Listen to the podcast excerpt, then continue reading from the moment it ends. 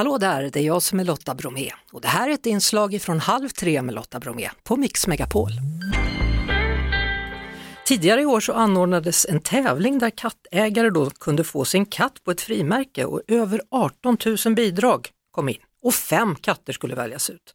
Och för några dagar sedan så släpptes de faktiska frimärkena och en av de som var med i urvalsprocessen är ordförande i Sverak Sveriges kattklubbars riksförbund, Eva Porat. Välkommen till programmet! Tack så mycket! Hörru du, alltså 18 000 bilder på katter, hur tar man sig an en sån mängd bidrag?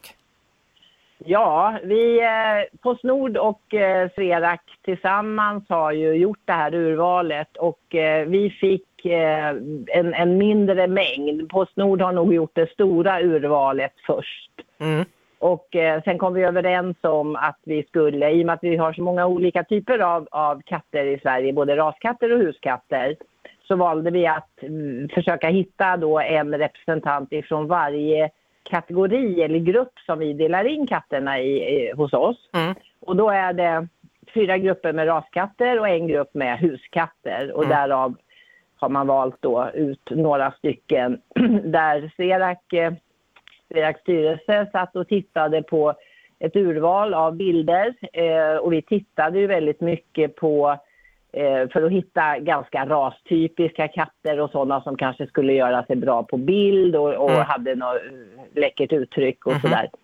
Eh, och sen eh, så tog Postnord över och eh, la, vad jag förstår, ganska mycket fokus också på den berättelse som kattägarna hade bifogat med Ja. bilderna. Men det är gulligt tycker jag. Det, Mm. det, det är roligt, när du säger huskatter så menar du det som andra kanske kallar bondkatter, eller hur?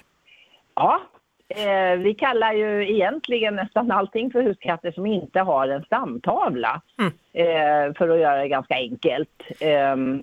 Och det kan ju vara lite blandraser och det kan vara så kallade bondkatter och, och så. Och här var vi ganska noga med att vi ville ha en katt som inte påminde om någon raskatt just för att verkligen poängtera att huskatten är Mm. eh, ja, en egen sort så att säga. Va, vad har du för katter? Jag har eh, en ras som heter helig birma. Okej, en, eh, em, ja, en, en eh, lite långhårig, lite mellan lång, semilånghårig ras med vita tassar och blå ögon och lite färg i ansikte och på svans och ben ungefär som en siames. De flesta känner väl kanske igen siames. ja. Teckningen, fick en sån vara med på frimärkena? nej. Nej. Okej, då, frå, då frågar jag om, om jag då, jag, jag har en abyssinier hemma, fick såna vara Ja. med på frimärkena? Eh, de hade ju fått vara med om, om det hade varit eh, just eh, en sån bild som hade levererats in bland, bland vårt urval. Nu i den gruppen som abyssinier tillhör så valdes det eh, en, annan, en annan ras så att säga. Men då får man känna sig unik att man har några hemma då i så fall.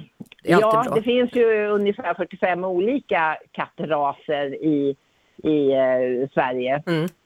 Och eh, det är ju fyra av dem då som finns med på de här fotona.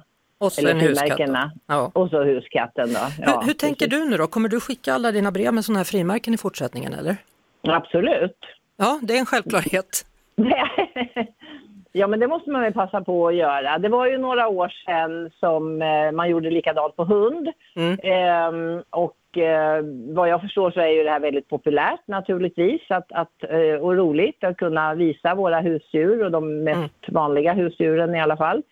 Ehm, så det, det hoppas jag att alla eh, passar på och köper de här frimärkena och använder i fortsättningen nu så länge Mm. de finns kvar. De kommer säkert ta slut snabbt i och med att de är populära. Så kan det nog bli. Tack så mycket Eva Porat för att du var med i Halv tre.